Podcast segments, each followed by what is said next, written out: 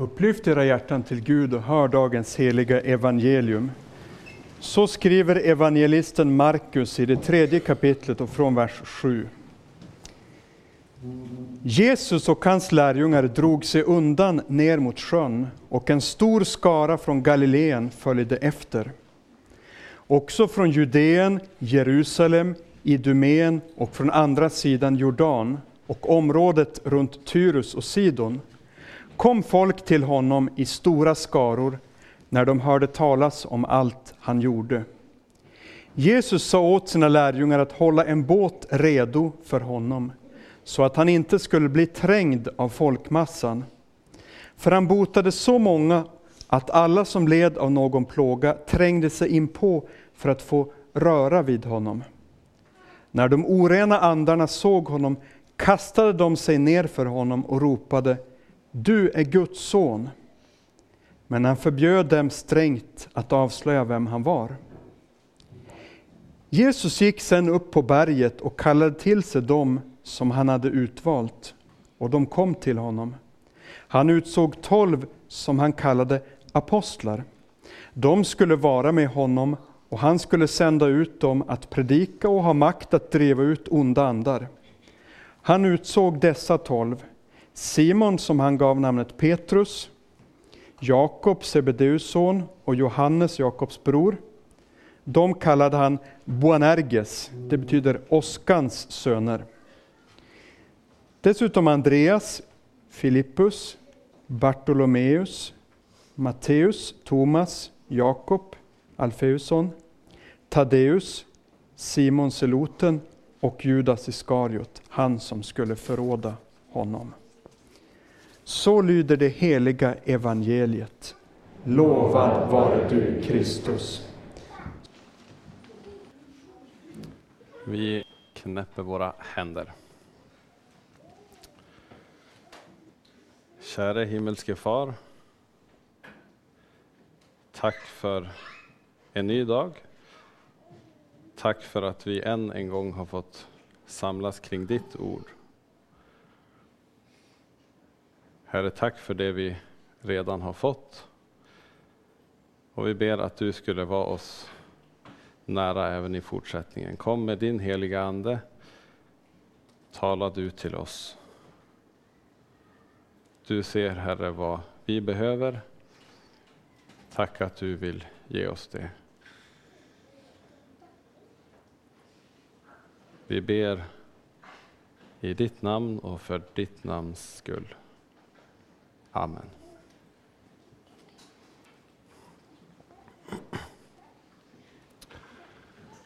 Idag så firar vi apostladagen och temat är lärjungaskapet. Vad är en apostel och vad är en lärjunge? Vi läste i texten att Jesus kallade till sig sina lärjungar och av dem valde tolv som han kallade apostlar. Och så kan det förvirra oss ibland för Bibeln använder både lärjungar och bägge orden om apostlarna. Ibland så heter det Jesu tolv lärjungar, ibland står det Jesu tolv apostlar och ibland står det bara de tolv. Och vi vet vilka, vi förstår vilka. Apostel betyder sändebud. Ehm, och inte vilket sändebud som helst, utan ett sändebud med fullmakt. Ni vet vad fullmakt är? Om jag går till eh, banken och försöker göra bankärenden åt Rakel, så kommer inte det gå något bra, för jag är fel person, jag är inte Rakel. Men om jag har med mig en fullmakt som Rakel har skrivit under, då kan jag gå till banken och göra samma bankärenden som, som hon kan. Och en apostel är en som har fått en fullmakt av den som sänt honom. Det ligger i, i ordet. Och Jesus han säger själv om, om sina apostlar, de som tar emot er tar emot mig.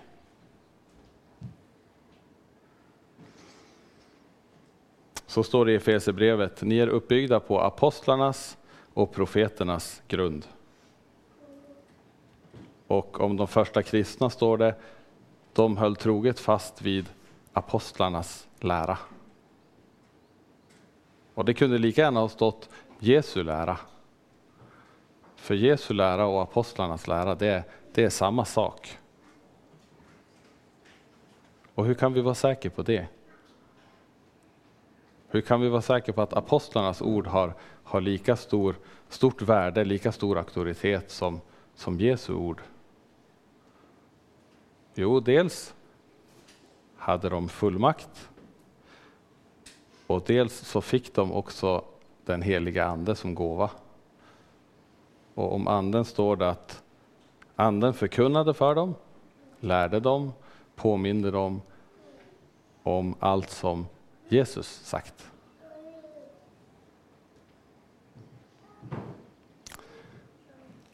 Vi läste en ganska lång text från, från Markus 3.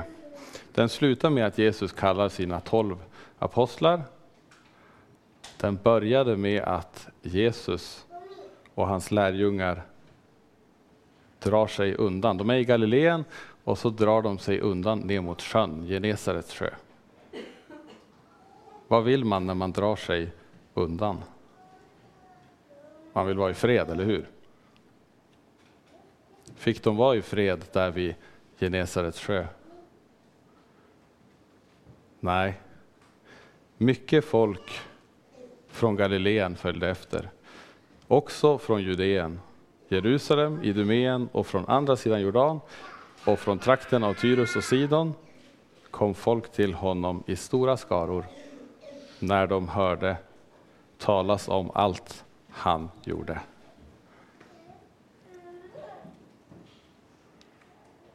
Det fylls på hos Jesus stora skaror. Ja, så många så att Jesus hade en, en plan B. Vi läste i texten att Jesus hade befallt sina lärjungar att ha en båt i beredskap. Ifall trängseln skulle bli för, för illa så skulle, skulle de ta den båten. Varför kom så många folk till Jesus? Jo, för att han botade så många så att alla som led av någon plåga trängde sig in på.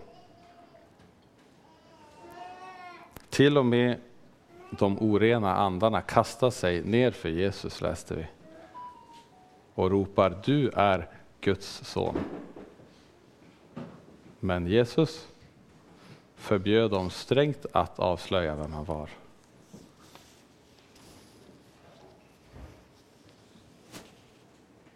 Och här ser vi tydligt det Jesus säger vid ett annat tillfälle. Mitt rike är inte av den här världen. Mitt rike är inte av den här världen. Jesus han skulle inte bli den Messias som folket hade förhoppningar om. En som kunde bota vem som helst. En som hade makt över de onda andarna. En som kunde ge folk mat av nästan ingenting. Men vi läser på flera platser att Jesus inte ville att folkets bild av vem Messias skulle vara, folkets falska förhoppningar, att det skulle få spridning. Det står flera, flera platser i Markus. I Markus 1 så botar Jesus en spetälsk, befaller honom att visa sig för prästerna, men förbjuder honom att berätta. Markus 5 uppväcker Jesus Jairus dotter, men förbjuder dem att låta någon få veta. Markus 7 så botar han en dövstum och förbjöd dem att tala om detta för någon. Det var inte att bota sjuka som var Jesus huvuduppgift. Han kom för att tjäna och ge sitt liv till lösen för många. Han kom för att dö för våra synder enligt skrifterna. Och därför drar inte Jesus nytta av, av situationen här vid Genesarets sjö. Mänskligt sett, om Jesus bara var en som ville ha många anhängare, så skulle han ju ha passat på. Nu var ju redan allt folket, inte bara från Galileen, från Judeen och från trakterna runt omkring. Alla var ju hos honom.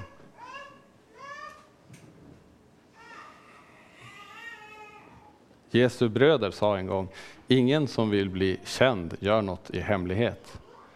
De tyckte att Jesus skulle gå till, till Jerusalem.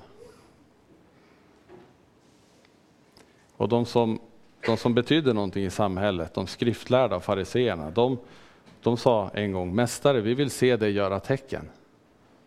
Och så kan vi tänka, kunde inte Jesus bara ha gjort ett tecken? Så kanske de hade kommit, kommit över på Jesu lag.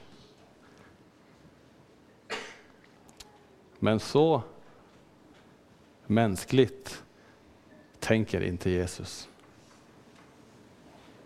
Nej, när Jesus ska lägga grunden för sin kyrka på jorden, vad gör han då? Jo, han drar sig undan igen. Han drar sig undan, inte till en sjö den här gången, utan till ett berg. Och den här gången hittar inte folket igen honom, så han får vara ensam med sina lärjungar. Och så väljer han tolv. Tolv stycken olärda män ur folket. Och också det mänskligt sett konstiga val. Några var fiskare, det var ganska många som var fiskare. En var publikan, tull, tullman. En annan hade mest troligt varit terrorist. Simon Seloten. Och så Judas Iskariot, han som förrådde honom. Det var en, en märklig laguppställning. Men vi vet, vi vet varför. Det står i i första Korinthierbrevet 1. Det som för världen var dåraktigt har Gud utvalt för att låta dem visa stå där med skam. Och det som för världen var svagt har Gud utvalt för att låta det starka stå där med skam. Och det som för världen var oansenligt och föraktat, ja, det som inte var till, har Gud utvalt för att göra till intet det som var till. För att ingen människa ska berömma sig inför Gud. Den som berömmer sig ska berömma sig av Herren. Gud har utvalt. För att ingen människa ska berömma sig.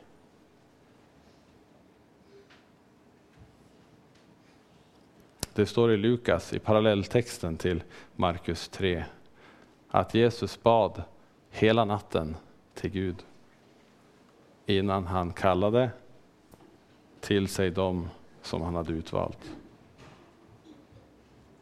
Jesus, Guds son, handlar på Guds vis. Och Guds vishet var att sända ut olärda män ur folket. Att predika ett budskap som för världen var och är en dårskap. Ordet om korset. En dårskap för de som blir förtappade, men för oss som blir frälsta en Guds kraft. Ordet om det Jesus har gjort. Det står i andra Tim, första kapitlet. Han har frälst oss. Han har kallat oss. Inte på grund av det vi uträttat, utan i kraft av sitt beslut och sin nåd. Han har gjort slut på döden. Han har fört liv och odödlighet fram i ljuset genom evangelium. Detta, skriver Paulus, detta har jag blivit satt till att tjäna som förkunnare, apostel och lärare. Det är, det är också därför jag får lida allt detta, men jag skäms inte eftersom jag vet på vem jag tror. Och så vet vi att överallt där ordet om korset förkunnas, där blir det Jesu Kristi lärjungar. Och därför finns det Jesu lärjungar över hela vår jord. Inte tack vare de, de tolv. Nej, tack vare och på grund av honom som utvalde och sände.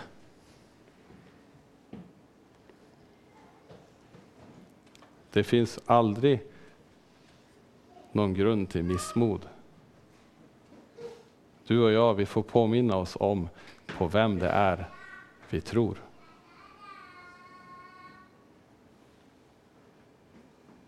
Vi läste i, i GT-texten om en mörk tid.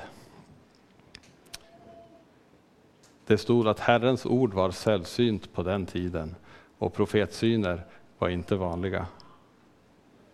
Samuel kände ännu inte Herren och Herrens ord hade ännu inte blivit uppenbarat för honom. Och så står det, Herren kallade på Samuel. Herren kallade. Vi behöver påminna oss om på vem det är vi tror. Vi tror på honom som är Herre över skörden. Och så är uppmaningen till oss att be skördens Herre om att driva ut arbetare i sin skörd.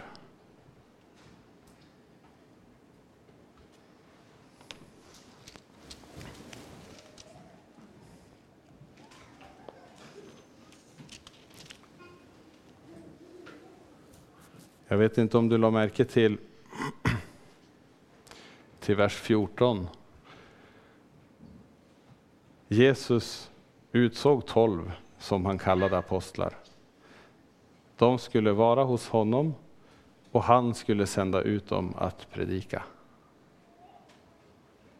Vad skulle de göra? Och vad skulle Jesus göra?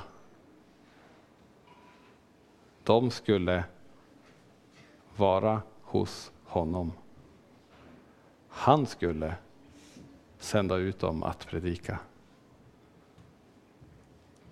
Men de skulle vara hos honom. Och det är lärjungaskapet, att du och jag får vara hos honom. Att Jesus valt dig, inte tvärtom. Och att Jesus säger kom till mig, alla ni som arbetar och bär på tunga bördor, så ska jag ge er vila. Och när du säger som Petrus, gå bort ifrån mig för jag är en syndig människa, så går inte Jesus bort. Han säger, frukta inte. Ty jag har återlöst dig. Jag har kallat dig vid namn. Du är min. Och att vara Jesu lärjunge, det är att förbli just där.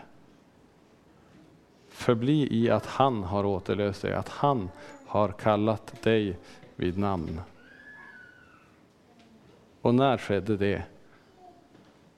Jo, det skedde den stunden, den dagen du döptes. Och så är uppmaningen från den dagen och varje dag. Var hos honom. Stanna kvar hos honom. Förbli hos honom.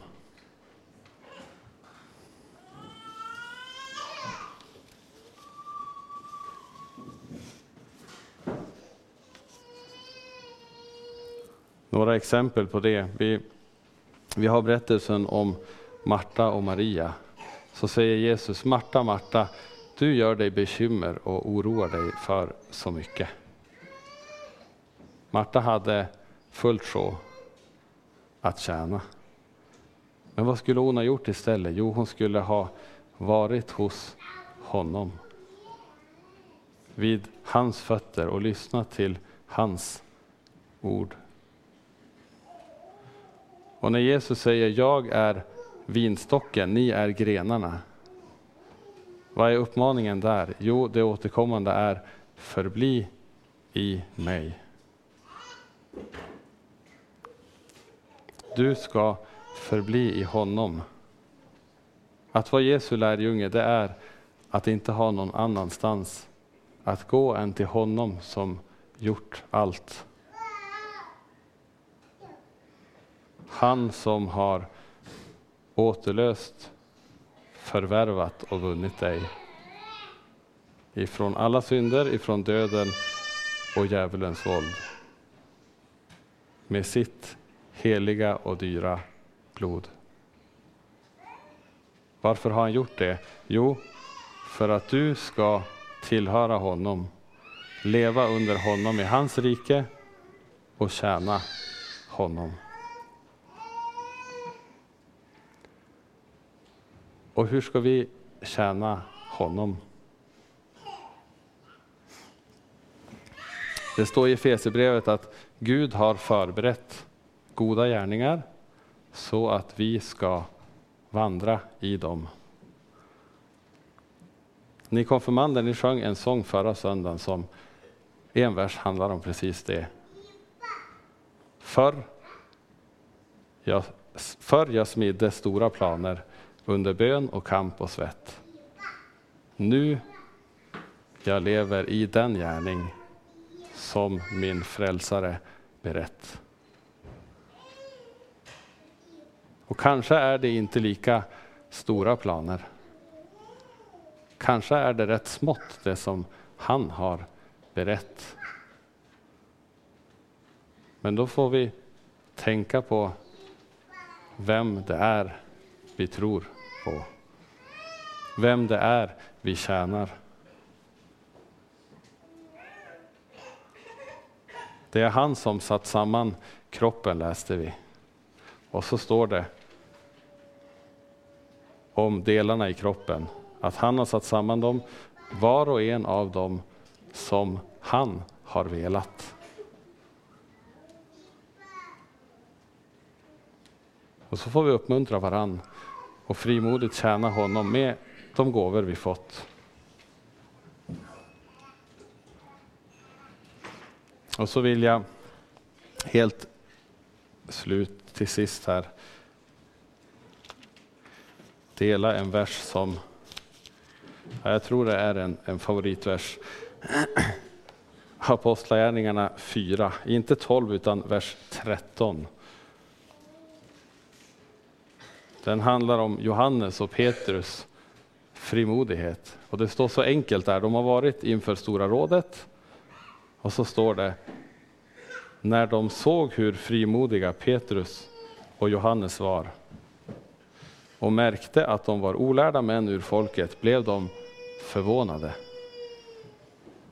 Men så kände de igen dem och kom ihåg att de hade varit tillsammans med Jesus.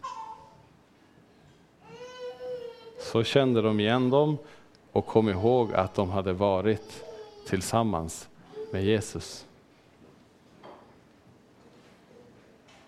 Förbli där hos Jesus. Förbli i honom. Amen.